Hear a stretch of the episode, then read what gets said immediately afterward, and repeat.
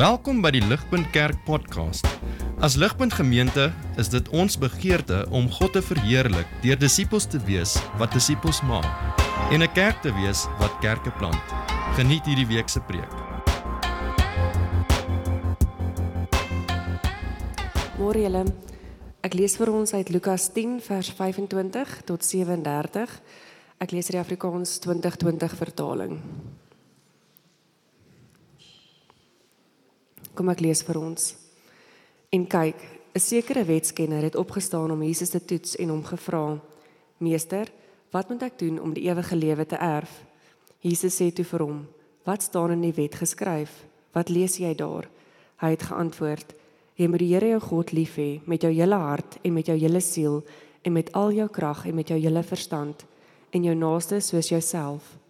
Jy het reg geantwoord, het Jesus vir hom gesê doen dit en jy sal leef. Maar wou, hy wou homself regverdig en het toe vir Jesus gevra: "En wie is my naaste?" Hierop het Jesus geantwoord: "’n Man het van Jerusalem afgegaan na Jerigo en is deur rowers oorval. Hulle het sy klere uitgetrek, hom geslaan en toe weggegaan en hom half dood agtergelaat. 'n Priester het onvoorsiens met daardie pad langs afgegaan en toe hy hom sien, het hy aan die ander kant verbygegaan." En net so het ook 'n leviet by die plek aangekom en toe hy hom sien, het ook hy aan die ander kant verbygegaan. Maar 'n Samaritaan wat op reis was, het op hom afgekom en toe hy hom sien, het hy hom innig jammer gekry. Hy het na hom gegaan, sy wonde verbind en olyfolie en wyn daaroor gegiet.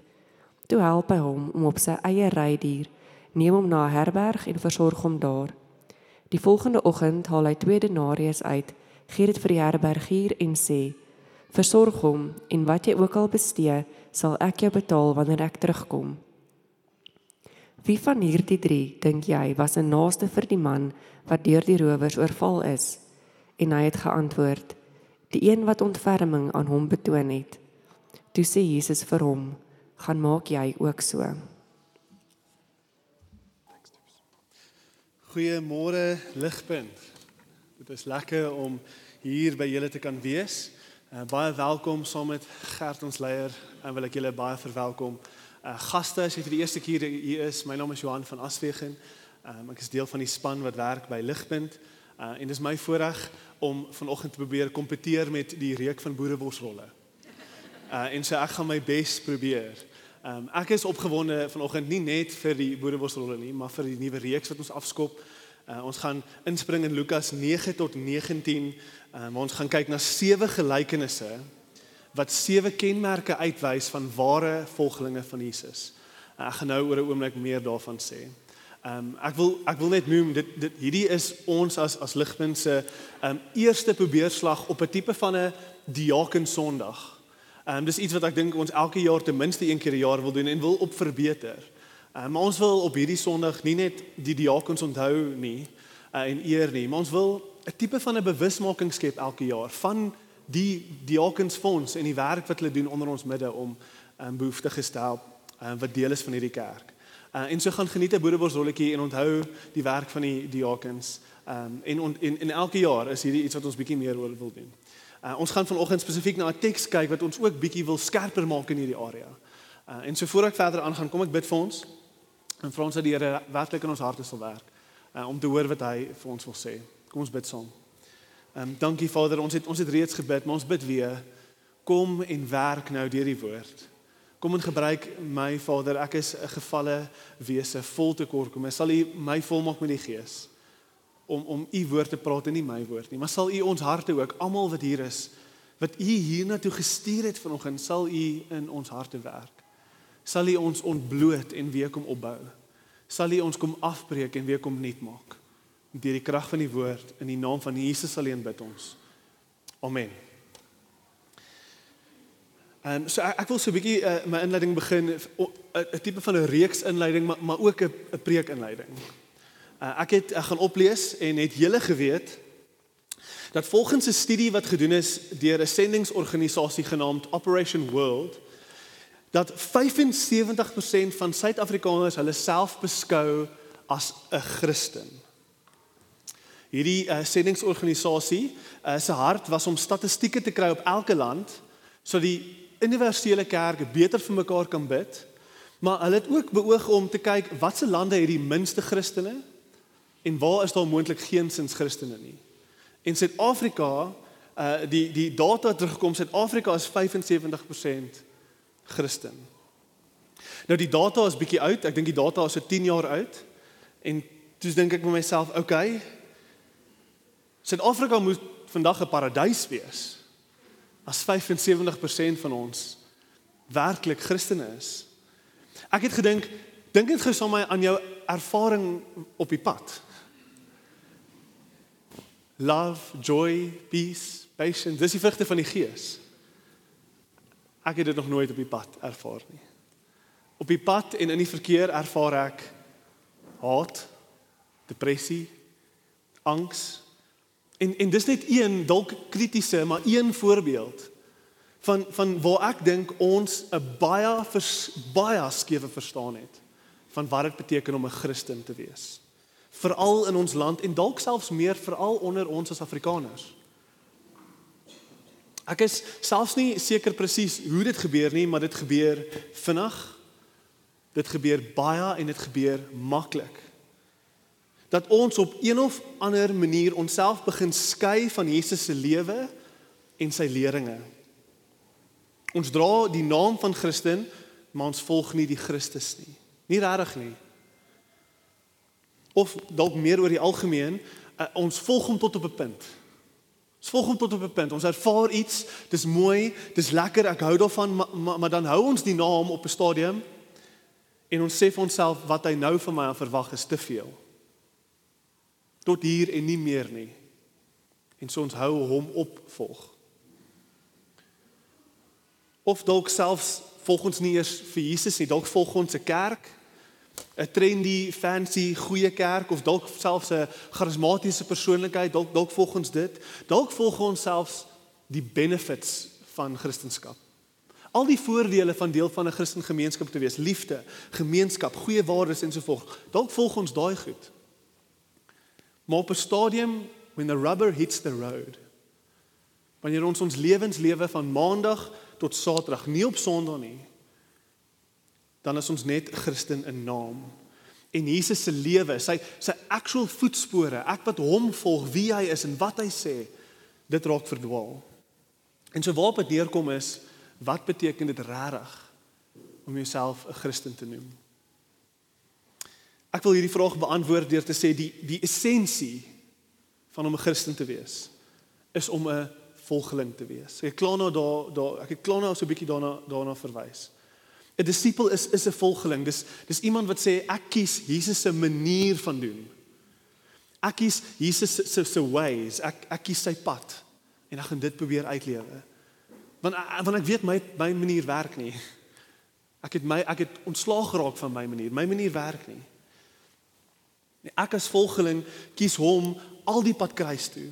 Deur die moeilike goeders waar ek my kruis moet optel en myself moet opoffer, ek doen dit want ek weet aan die ander kant van die kruis lê daar 'n opstanding. Ek volg hom deur die dik of die dun, deur die moeilik en die maklik. En in hierdie reeks en in vandag se preek wat Jesus wil doen in Lukas 19 tot uh, eh, 9 tot 19 is hy wil ons uitnooi om opnuut weer agter hom aan te loop. En soos ons hom volg, wil hy in hierdie gelykenisse ons afgewaterde definisie van godsdiens. Hy wil, hy wil dit uithaal. Hy wil dit hy wil dit afbreek, hy wil dit wegblaas. En hy wil ons weer opnuut wys wat dit regtig beteken om 'n Christen te wees, om 'n volgeling te wees. Dis dis baie interessant in Lukas 19, ag 9 tot tot 19 loop Jesus van Galilea af Samaria toe. En in hierdie 10 hoofstukke deur Samaria uh, is dit dis soos 'n vervreemde plek waar deur Jesus loop. Dis 'n tussenin plek. Dis nie Galilea of Jerusalem nie, dis hierdie hierdie tussenin plek. Dis eintlik 'n plek van teenstanders. Dis 'n plek van mense wat nie glo wat Jesus en sy volgelinge glo nie. Dis 'n moeilike plek. Dis 'n gebroke plek. En soos wat hierdie Jesus hierdie spesifieke gelykenisse kies vir hierdie spesifieke reistog, probeer hy juis hier in hierdie omgewing vir sy disippels leer in hierdie plek hoe lyk dit om 'n disipel te wees. Hy vertel stories van kenmerke wat behoort waar te wees van almal wat hom volg. Samaria word 'n tipe van 'n metafoor vir die gelowige. Dit word 'n prentjie van ons vandag wat agter Jesus moet aanloop in 'n wêreld vol teenstanders. 'n Wêreld vol mense wat verskil met wat ons glo en moet wees. En Jesus wil in hierdie tussenin vervreemde plek wil hy vir ons sê hierdie is hoe jy moet wees. Hierdie is hoe jy moet optree. Hierdie is wat die wêreld moet sien wanneer hulle na my volgelinge kyk. En dan vertel hy stories. Hy vertel stories, hy vertel stories.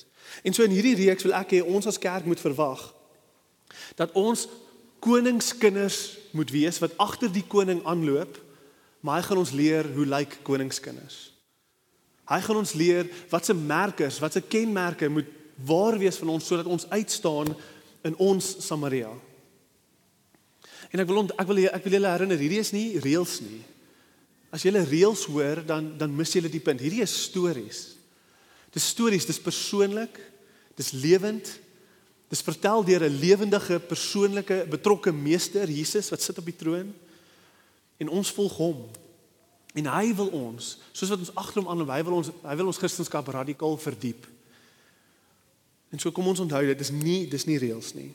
En en die eerste kenmerk van sewe wat kom vanoggend, die eerste ene is die kenmerk van barmhartigheid.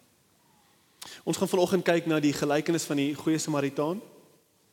Ehm um, En ons behoort net soos wat ons in hierdie ingaan, moet ons uh, ek wil amper sê haal daai definisie van barmhartigheid uit jou kop uit, want dis wat Jesus wil doen. Hy wil dit vervang met iets nuuts.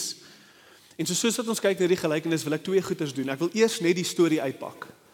Wie is hierdie ou en wat gaan in hierdie storie aan? En dan tweedens amper lesse van die storie, die tweede deel van die van die preek wil ek net drie beperkings uitlig drie beperkings wat ons plaas op barmhartigheid soos wat soos wat die storie ons probeer uitdaag. So kom ons kyk na die storie en dan gaan ons lesse uit die storie uittrek. Baie van ons mag dalk bekend wees met hierdie gelykenis, die goeie Samaritaan. Maar gee my gou 'n kans soos wat ek dit uitpak om dinge uit te lig wat jy dalk sou gemis het. Voor ons selfs by die gelykenis uitkom, kom hierdie man oor Jesus se pad, 'n wetskenner in die ESV noem hom 'n lawyer, 'n prokureur.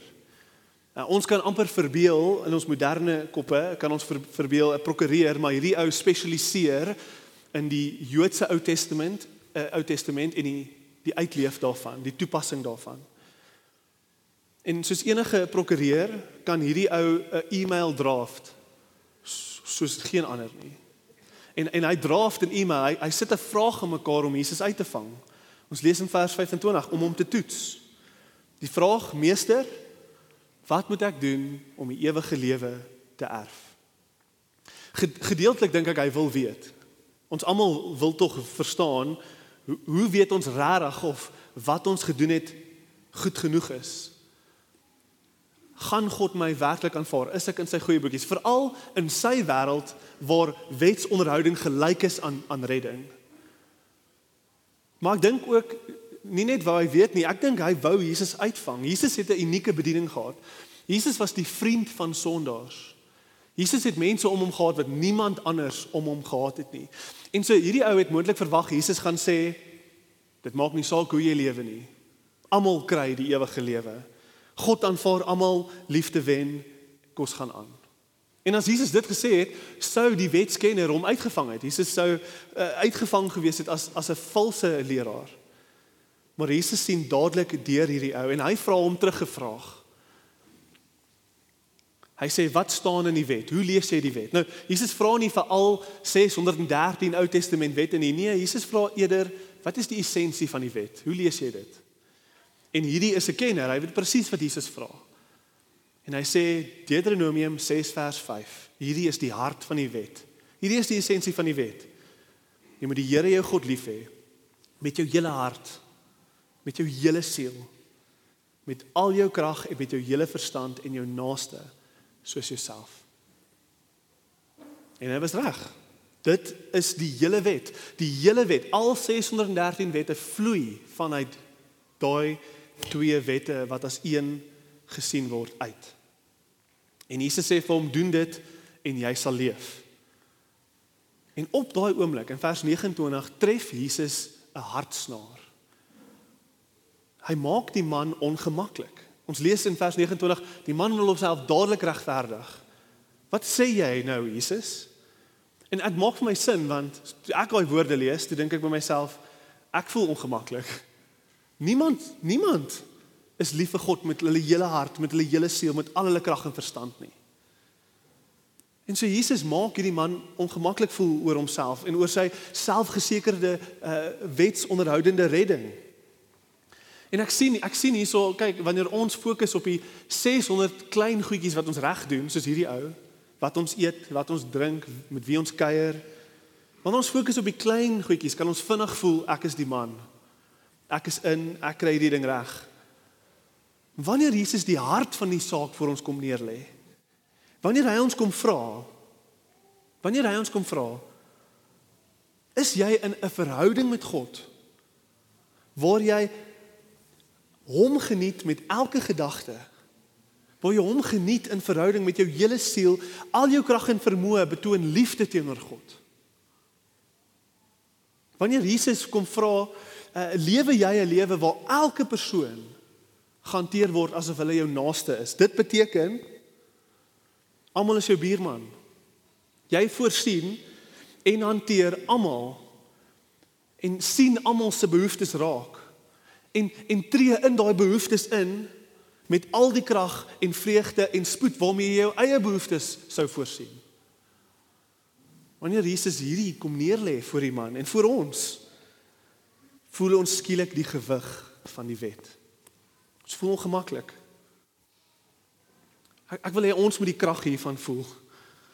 Ons ons moet sien wat die hart van die wet is, wat Jesus en God regtig verwag sien ook dat hierdie twee regtig saam staan. Liefde vir God en liefde vir ons medemens kan nie van mekaar af geskei word nie. Dis twee kante van dieselfde muntstuk. Die twee staan of val saam. As ek lief is vir mense, dan is dit 'n bewys. As ek werklik lief is vir mense, dan is dit 'n bewys van my liefde vir God. As ek werklik lief is vir God, dan sal ek lief wees vir mense. Die twee staan of val saam. En dis hoekom die die skrifgeleerde sê wie is my naaste? Want hy wil homself regverdig. As hy kan bewys hy's lief vir mense, dan dan kan hy gemaklik voel oor sy liefde vir God. Hy wil homself regverdig, maar wat hy eintlik vra is maak hierdie manageable vir my. Ek jy kan sekerlik nie bedoel ek moet almal lief hê soos myself nie. Onthou, my geloof is gebaseer op al die klein goedjies wat ek reg doen. Help my. Breek hierdie af vir my. Maak hierdie manageable vir my. Wie is my naaste? Vra hy. En dan kom Jesus by die gelykenis uit. Nou net vinnig dadelik voor ons by die gelykenis uitkom, moet ons hoor dat dis hierdie tipe hart wat Jesus wil ontbloot vanoggend. Hy wil hy wil hierdie tipe, hy wil ons harte kom ontbloot vanoggend.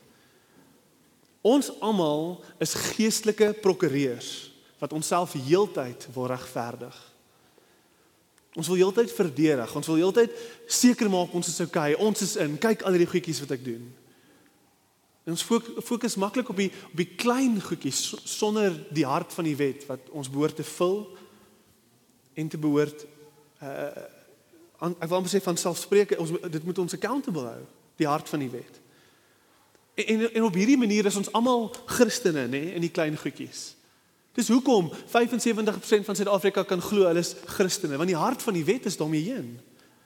En ons verdedig en ons regverdig en ons het 'n duisend klein verskonings om te bewys ek's okay. Ek's okay. Maar ons vergeet.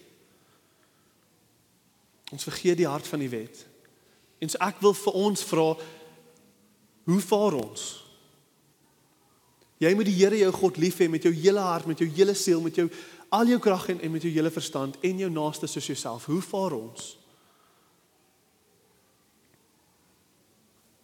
Jesus wil verder nou gaan en en, en indien jy nie die die die, die punt is kom ontbloot jouself wees nederig hou op vashou aan 'n valse sin van jou eie geregtigheid Jesus wil ons nederig en en hy hy hy vra dat ons ons geestelike prokureurs moet bring na hierdie gelykenis toe wat ek nou gaan uitpak En die effek van die gelykenis is van so aard dat Jesus ons wil nooi. Hy sê kom bring jou hofsaak. Bring jou best case dat jy gered is. Bring dit. Bring al jou verskonings, bring al jou mooi verwoorde e-mails, bring jou beste dade. Bring dit na hierdie gelykenis toe. En Jesus sê bring jou geestelike prokureur want ek gaan hom nou afdank. Ek gaan hom stil maak. Hy moet uit. En ons moet sien wie ons regtig is voor die heilige God. Nou kom ons na die gelykenis toe. Hier kom die storie. Dit is 'n bekende storie. Okay. Bekende storie van 'n man op 'n gevaarlike pad. Hy word beroof, beseer en drie mans kom verby om hom te help. Die man lê daar totaal en al behoeftig, amper verseker oorgelaat tot die dood toe indien iemand hom nie kom help nie. As jy jouself net verbeel, gebreekte bene, oop wonde, sy klere is afgeruk soos wat hulle alles van waarde probeer kry het by hom. Hy gaan of dood bloei of 'n wilde dier gaan hom kom eet. En dan kom die eerste man verby. Die die effek van die storie hoe Jesus dit vertel is iets soos hierdie. Wonder bo wonder, genade van bo af hier kom 'n priester verby. Van alle mense. Die guns is by jou, beseerde man. Die guns van God is versekerlik by jou want kyk. Kyk hier is die die toevallige man wat oor jou pad kom is 'n man wat elke dag in die tempel se dis sy werk om mense te help. Hier kom hy. Jy is gered. Jy gaan oukei okay wees. Dis 'n priester. O, wag. Wat doen hy? Hoe wat? Hoe hoekom hoekom stop hy nie? Hoekom kruis hy oor kan die pad verder weg van my af? Dit dit kan nie wees nie. Hy het my gelaat tot die dood toe. Daar gaan hy. Wat? Daar is weer hoop. Hier kom hulle fiet. Hy ken die wet. Hy weet presies wat God verwag. Hy weet presies wat God verwag van hom af. Ons het almal al gesien hoe die leviete vir die armes kos vat. Die Here het vandag nie net een nie, maar twee Godvreesende mans oor jou pad gestuur. Jy is gered. Jy is oukei. Okay. Moenie worry nie. Nee. Nee nee. Dit kan nie wees nie. Hy het my gesien. Ek weet hy het my gesien. Hy hy kan nie maak asof hy my nie gesien het nie. Daar gaan hy verby my. Ek is dood. Ek is dood. Hy het seker iets belangriker om te doen. Hy het seker een of ander lesing vanuit die boekrol van Isaia waarvoor hy nie voor kan laat wees nie. Daar gaan my lewe daarmee. Dis dis die effek van die storie. Dis die gevoel wat ons moet kry soos wat hierdie godvreesende man verbykom. En dan natuurlik kom die Samaritaan. Die groep mense wat die Jode werklik gehaat het. Hulle was 'n mense wat jy mag hulle haat. God sê jy mag hulle haat in hulle eie koppe. Want hulle het die Ou Testament verdraai, hulle het hulle eie tempel gehad, hulle het die Ou Testament se geloof verdraai en mense probeer wegdraai van die ware God af in hulle oë. Hulle is 'n mense wat getrou het met die heidense nasies, hulle is half-breeds. Hulle was honde in die Joodse oë. 'n vervloekte mense wat waardig is van niks. Niks goeds mag hulle toekom nie. En hy hy kom van alle mense en hy stop met oë vol simpatie en liefde en hy salf die wonde. Hy vervoer die beseerde man, hy laai hom af by 'n tipe van 'n hotel en betaal vir alles vir maande sodat die vreemdeling kan gesond word. En die punt word gemaak dat dit is baie geld, dit is baie tyd, Dis baie moeite en dis baie liefde. Dis die punt. En Jesus eindig sy gelykenis af met 'n baie sterk vraag. Hoe vaar jou hoe vaar jou barmhartigheid teenoor hierdie? Wie van hierdie drie dink jy was die naaste aan die rowers?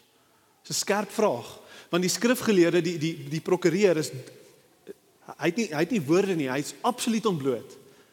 Hy forceer die woorde uit en hy kan nie eers die woord Samaritaan sê nie want hy haat hulle so. Hy sê daai een, daai ou. Die derde ouetjie wat verbygekom het, help, dis hy. Hy is so bloot. Nie net wys Jesus vir hom in hierdie storie dat hy nie barmhartigheid verstaan nie. Maar ook Jesus wys vir hom nie net dit nie, jy het haat in jou hart. Jy het haat in jou hart vir jou naaste. Jy is so ver van God af. Dis nie eers snaaks nie. Dis die gelykenis. Nou daar's nog baie om te sê en so ek wil aanbeweeg. Hier is drie beperkings. Drie beperkings wat ons harte plaas op barmhartigheid. Wat wat Jesus wil kom ontbloot in ons harte. Hy gee vir ons 'n radikale voorbeeld sodat dit ons harte kan toets. Die eerste beperking is wie moet ontvang? Die tweede beperking is hoeveel mag ontvang word? En die derde beperking is wie het die reg om te ontvang? Kom ons gaan net gou deur hierdie hierdie drie. Die eerste ene is wie moet ontvang? Die antwoord volgens die gelykenis is die een wie oor jou pad kom. Maak nie saak wie dit mag wees nie. Hy moet ontvang. Hy moet jou barmhartigheid en liefde ontvang. Die punt wat Jesus maak deur die gehate Samaritaan die held te maak is presies dit. Nie eers is nie, nie eers is die mense wie ons haat uitgesluit nie. Niemand mag uitgesluit nie. Almal is jou buurman. Absoluut almal. Almal behoort jou naaste te wees, selfs jou vyand. En ons moet dit nie probeer beperk nie. Ons moet nie ons eie limite probeer plaas op barmhartigheid nie. Selfs jou vyand is jou naaste. En die die manier hoe Jesus die storie vertel is baie slim, want verbeel jou jy lê daar dood op die pad. En jy bloei en jy's kaal en jy's hopeloos en jy gaan doodgaan. As jou vyand oor die pad sou kom, sou jy nie wou gehaat het. As hy jou enigste hoop was, sou jy nie wou gehaat het hy moes jou kom red nie. Hoe kan ons dan? Hoe kan ons dan sê nee? So ons dis hy draai hy draai alles op sy kop. Hanteer jou naaste soos jouself, jou vyande bly jou naaste. Kyk, dis maklik vir ons om lief te hê die van wie ons hou. Ons sal baie doen vir ons familie, ons sal baie doen vir ons vriende. Ons sal dalk selfs baie doen vir iemand wat soos ons praat soos ons glo en soos ons lyk. Jesus maak die punt, daai tipe barmhartigheid is nie uniek of spesiaal of buite die norm nie. Almal doen dit. Maar wat van mense wat uiterlik en innerlik verskil met jou? Jy, jy sal nie weet wat om vir die ou te sê om die braaivuur nie. Jy sal dalk nie eens met hom wil wees om 'n braaivuur nie. Wat van die vreemdeling wat lê aan die ander kant van die rasselyn. Hy is jou naaste. Hê hom lief soos jy jouself liefhet. Hy verdien dieselfde liefde en omgee wat jou eie bloedfamilie verdien. Onbeperkte, spoedige, selflose liefde, die tipe liefde wat wat Jesus van al sy volgelinge af verwag. Daar's 'n redelike bekende ehm um, soos uh uittreksel van 'n 'n keiser uh, in 300 AD, Julian, 'n Romeinse keiser en hy pak sy frustrasie uit met Christene in 'n brief wat hy geskryf het aan 'n vriend. Hy pak hierdie frustrasie uit. Hy's so kwaad vir hoe Christendom groei teen 'n onmoontlike pas en hoe dit die Griekse gode nutteloos los. Hy, hy weet nie wat om te doen nie. So hy sê hy ek het dit dis dis ou en moeilike Engels en so ek het dit vertaal in Afrikaans. Dis gevaarlik. Vergewe my. Maar hy het dit ek het dit vertaal in Afrikaans en en in hier, gesit. So hierdie is Julian Keiser se woorde oor Christene. Hy sê Hoekom sien ons nie hoe die liefdadigheid van Christene aan vreemdelinge die meeste gedoen het om hulle geloof te bevorder nie? Dit is skandelik, skryf aan iemand in sy eie kringe, dat hierdie Christene teenoor ons armes barmhartig is en tot hulle eie armes ook. So wat sê Julian vir ons? Wat wat wat wat se punt maak hy? Hy sê basies die Grieke pas die Grieke op. Die Romeine pas die Romeine op. Die Moslems pas die Moslems op. Maar die Christene die Christene pas almal op sonder voorwaarde, sonder perke. Almal. Almal is waardig van my barmhartigheid. Uh, Ajith Fernando is 'n pastoor in Sri Lanka. Uh, en in 2002 en in 2003 vertel hy hoe 150 uh, kerke afgebrand was en uh, duisende gelowige gelowiges doodgemaak was in in Sri Lanka deur aggressiewe boeddiste. In 2004 toe word hulle getref deur 'n tsunami wat 10000de Christene gedryf het tot aksie binne die land en van buitekant af die land om mense te kom help in hierdie in die nagevolge van hierdie tsunami. Uh, Ajith vertel van hoe hy 'n man se wonde gebind het wat een van sy susterkerke afgebrand het. En soos hy dit doen, sê Ajith, hoor hy net hoe die man oor en oor sê, ek het julle nie geken nie. Ek het nie geweet nie. Ek het nie ek, ek het nie geweet wie julle is nie. Ek is so jammer. Ek is so jammer. Die punt is wie moet ontvang? Wie moet ons barmhartigheid ontvang? Wie ook al oor jou pad kom. Niemand word uitgesluit nie. Nie eers jou vyande nie. Tweedens, hoeveel mag ontvang word? Hoeveel mag ontvang word? Ons harte is nogals vinnig om te sê, net in terme van die gelykenis, ons harte is vinnig om te sê ek sal dalk wanneer daar iemand oor my pad kom, ek sal salf gee. Hier's 'n bietjie salf vir jou wonde. Dis genoeg. Maar ek wil eintlik nie betrokke raak in die in die kompleksiteit van hierdie saak nie. Hier is 'n bietjie salf. Ek het my deel gedoen en dan dis asof ons hom nou half los en ons gaan verby. My salf. Die, die binne ons wil ons salf gee, maar ons wil nie die salf opsmeer en ons hande vol bloed maak nie. Dink daaraan hierdie ou het in die hitte van die dag 'n plek waar daar nou net rowers was, het hy soos jy weet, het hy al dooie liggaam probeer optel. Hy het dalk vir 'n halfuur gesukkel om hierdie dooie ou op sy eie op sy donkie te laai in die hitte van die dag. Hierdie is moeite, sweet. Meeste mense wil iets doen, maar niemand wil regtig betrokke raak sodat hulle hulle self op een of ander manier wil vasmaak nie. Niemand wil vasgemaak word deur nood nie. Ons lewe ons hele lewe om weg te kom van dit af. Ons wil nie weer terugkom en help en terugkom en help en terugkom en help of of 'n pad stap met iemand nie. Nee, hierdie ou kom terug 'n maand later om fooie te betaal by 'n hotel wat hy basies sy kredietkaart by gelos het.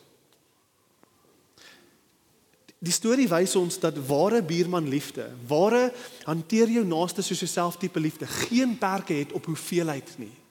Hoeveelheid tyd, hoeveelheid geld, hoeveelheid moeite nie.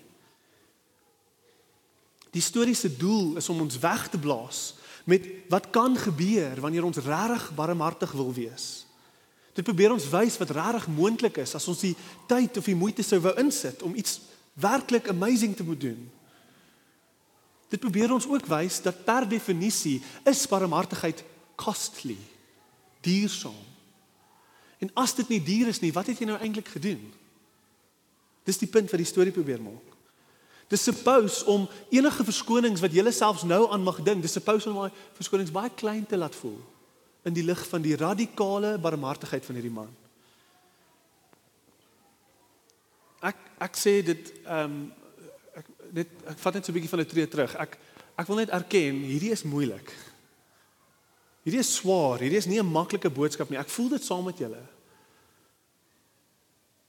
Dit dit was en bly en gaan nog altyd vir almal wat tyd in hierdie teks spandeer, gaan dit moeilik bly.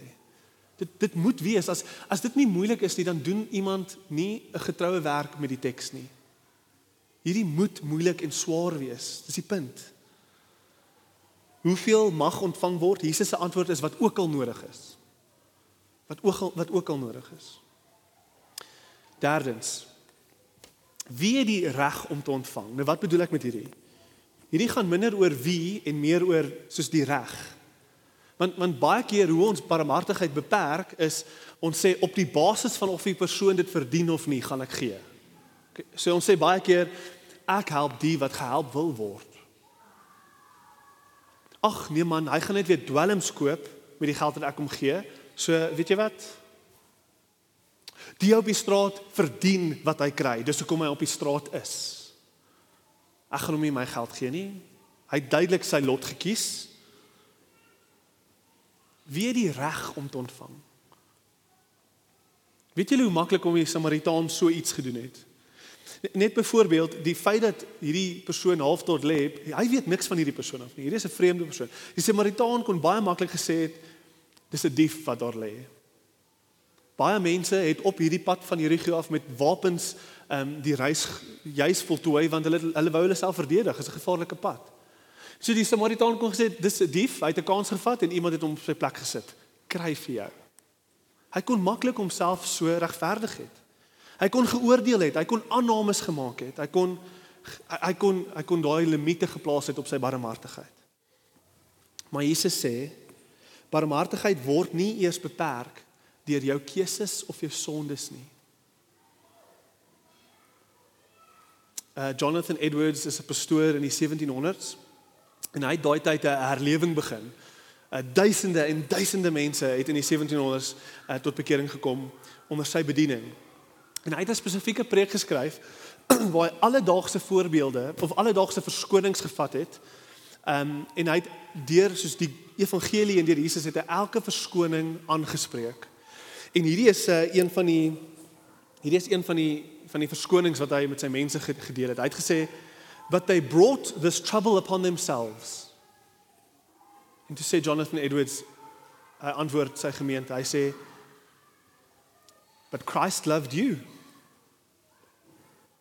Christ pitied you and greatly laid himself out to relieve you from all that want and ministry which you brought on yourself by your own folly.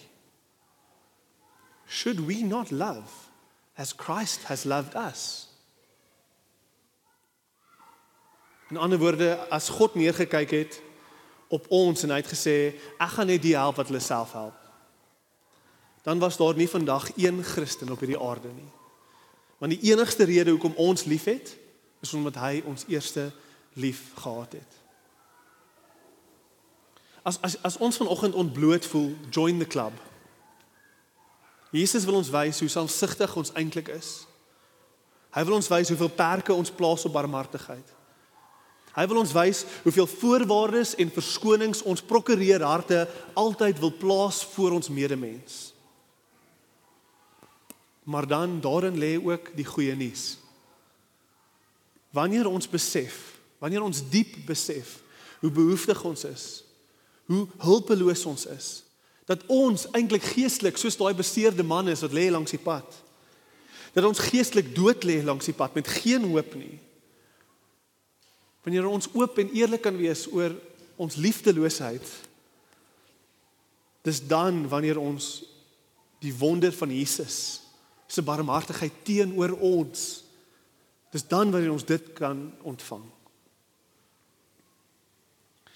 As ons altyd voor Jesus ons lysie van van goeie goedjies wil bring, dan gaan ons nooit Jesus se liefde kan ontvang nie, want ek doen dit mos.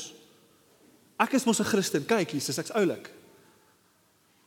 Wanneer ons ontbloot lê, wanneer ons regtig besef ons is selfsugtige sondaars, en en ons lê hopeloos op die pad, dan dan kan ons die barmhartigheid van Jesus ontvang. Wanneer ons stil staan by ons eie behoeftigheid voor 'n heilige God, dan dan begin Jesus se liefde sin maak. En die rede hoekom Jesus hierdie storie kan vertel en niemand anders nie, is want Jesus vertel hierdie storie soos wat hy op pad is kruis toe. Hy's op pad Jerusalem toe. Hy weet wat kom vir hom.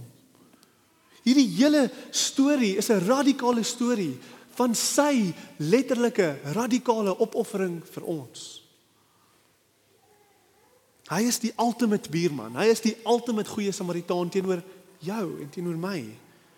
Hy is op pad om sy lewe op te offer vir die wêreld, vir almal. Almal mag ontvang, geen perke nie. Vir jou. Geen voorwaardes en verskonings nie. Hy hou letterlik niks terug nie. As jy praat van hoeveelheid, Jesus Jesus het sy laaste asem gegee. Hy het nie eers sy laaste asem teruggehou in terme van hoeveelheid om te gee nie. Hy het alles gegee vir jou. As ons praat van wie verdien die evangelie en wie dien nie, hy doen al daai vir 'n totaal en alle behoeftige, sondige, selfsugtige mense, vir haatvolle mense doen hy hierdie werk. Hy gee vir ons wat dit gedien nie.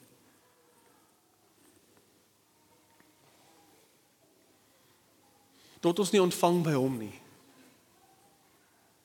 Tot ons nie daai liefde ervaar nie. Selfs vanoggend soos wat jy voel, jy jy val kort soos ek. As ons nie vanoggend sy liefde ontvang ten spyte van hoe sleg ons opgetree het teen ons, as ons nie vanoggend sy liefde ontvang, hy sê van hy sê vanoggend vir jou, ek's lief vir jou, ek weet. Dis oukei. Okay. Ek vergewe jou selfs vir jouself sig vanoggend. As ons nie dit kan doen nie, as ons nie ons harte oopmaak nie, gaan ons nie naby die tipe barmhartigheid kom wat Jesus verwag van sy volgelinge af nie.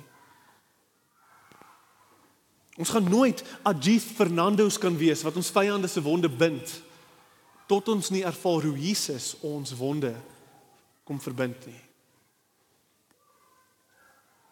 Ek wil ehm um, soos wat ek tot soos wat ek naby aan die einde kom, wil ek net 'n paar toepassingspunte duidelik maak.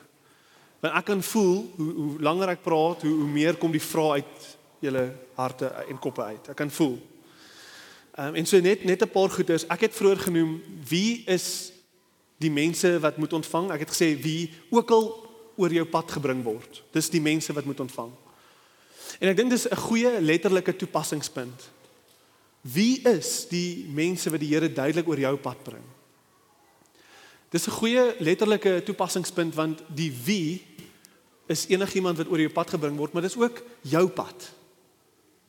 Jou pad lyk anders as enigiemand anders se pad hier. Jy kan iets gee wat iemand anders nie kan gee nie. Jy kan dalk nie soveel gee in hierdie area soos iemand anders nie, maar jy kan dalk iets anders doen. Dis jou pad. En jou unieke bydrae tot gebroke samelewing lyk anders as iemand anders se sin. En so wie moet ontvang enige iemand wie die Here oor jou pad bring? Maar dis dis jou pad en dit lyk anders vir almal. Gee op jou radikale manier vir die gebrokenheid van die wêreld. Maar nou ek verstaan soos wat ek dit selfs net sê, dink julle almal maar Johan, daar is 'n oneindige hoeveelheid nood in Suid-Afrika. So sekerlik in Suid-Afrika moet ons ergens 'n lyntjie kan trek want ons het meer armes as baie ander plekke in die wêreld. So sekerlik gaan ek nie vyf boemelaars op pad huis toe moet gaan oplaai as ek hier na gery het nie, Johan. Jy kan dit nie bedoel nie. Nee, okay, ek bedoel dit nie. Oef, dankie. Nee, nee, natuurlik bedoel ek dit nie. Natuurlik bedoel ek weet dat daar limite is op ons as mense. Natuurlike limite. En natuurlik is daar oneinde oneindelose hoeveelheid behoeftes. Ek verstaan dat daar wysheid nodig is wysheid dalk in terme van hoe daai hulp lyk, daai barmhartigheid lyk. Partykeer is daar onbehulpsame maniere om te, te help. Ek verstaan ook daar's 'n tipe wysheid vir vir vrouens in 'n gevaarlike land. Byvoorbeeld, ek verstaan dat 'n vrou nie dalk alleen 'n man moet gaan oplaai ergens. Daar's baie goeders om aan te dink. Ek verstaan dit. Maar ek wil vir ons sê, ons is nie uniek in Suid-Afrika nie. Ons het nie meer armes as Paulus en Petrus gehad nie. Ons het nie meer armoede in ons land as wat Paulus en Petrus gehad het toe hulle die vroeë kerk gestig het nie. Ons het nie. Daai tyd toe die Romeinse ryk die Jerusalem onderdruk het, was daar honderde mense op die straat. Praat van 4 of 5 op pad huis toe. Praat van 30 of 40 armes op pad huis toe. Ons is nie uniek met die hoeveelheid nie. En en die hoeveelheid kan nie nog 'n verskoning wees wat ons bring om niks te moet doen nie. Niks is nooit aanvaarbaar nie. Ons moet iets doen. En ek kan nie in 'n halfuur preek, ek kan nie al die wysheid probeer uitpak van hoe en waarom en wat en wanneer nie. Ek kan nie, dis te veel en te kompleks. Maar ek wil dit sê. Ek wil afsluit en sê die armes bly die kerk se probleem. Die armoede in enige land bly die kerk se verantwoordelikheid, nie die regering se nie. Jesus roep sy kerk om armoede aan te spreek. Hy roep ons om almal barmhartige Samaritane te wees in 'n gebroke wêreld. Geen regering kan hierdie probleem oplos nie, want niemand het hierdie radikale liefde wat ons het nie om te kan gee nie. In elke versie in die Bybel, elke hoofplek in Handelinge praat hulle van 'n liefde en belangrikheid en prioriteit van die armes. Dit is 'n groot tema in in ons Nuwe Testament. En so die armes bly die kerk se probleem. En ek kan nie al die probleme oplos nie, maar ons moet saam Ons moet saamwerk om hierdie probleem op te los. Ek wil afsluit um, met 'n dankie. Ek wil afsluit met uh, ek weet hierdie teks roep ons tot baie maar maar ek dink dit is absoluut geregtig om vanoggend dankie te sê. Ek wil afsluit deur te sê dankie ligpunters vir julle radikale barmhartigheid hier in hierdie gemeente. Daar is goeie Samaritane hier in ons kerk, baie van hulle. En ek wil dankie sê. Ek kan honderde stories vertel, die diakens kan 10000 stories vertel. Ek wil dankie sê vir ons diakens, ek wil dankie sê vir almal wat al daai fonds geondersteun het. Die eerste en obvious mense wat die Here oor ons pad bring, is die behoeftiges in jou eie gemeente. En so ek wil dankie sê as jy al daai fonds geondersteun het en as jy betrokke is by die diakens op een of ander manier. Dankie dat julle werklike praktiese nood maand tot maand aanspreek. Dankie. Dankie dat julle Jesus se voorbeeld probeer volg. Ek wil afsluit met hierdie preek en sê mag mag hierdie dien as 'n bemoediging dat julle die regte ding doen. Julle doen die regte ding. Hou aan, moenie moedeloos raak nie. Hou aan die lang pad stap met mense. Hou aan julle hande vuil kry. Ek weet vanoggend se woord is dalk vir van ons 'n uitdaging. En dis oukei. Okay. Dalk dalk word roep die Here jou om op bietjie meer betrokke te raak, om jou hande bietjie vel te kry. Ja, dis reg. Maar ek wil net sê ons gemeente staan uit op hierdie vlak. Ons doen. En ek ek wil weer eens sê oor en oor sê dankie, dankie, dankie vir alles wat julle opoffer vir vir Jesus en vir sy mense en vir sy koninkryk. Kom ons sluit af en bid saam.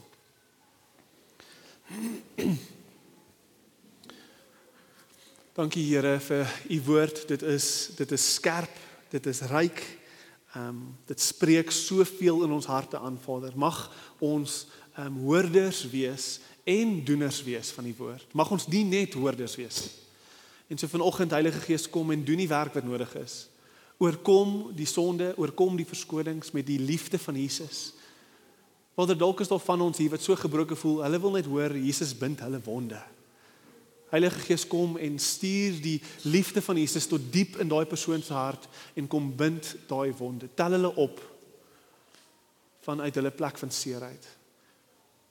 En Vader, ons wil net vir U al die eer gee vir die werk wat U gedoen het deur die krag van die Gees om mense te lei tot radikale opoffering. Dankie. Ons ons prys die heilige naam dat U ons so gelei het deur die Gees mag u aanhou. Mag ons aanhou hierdie tipe radikale barmhartigheid uitleef teenoor ons kerk, teenoor ons land.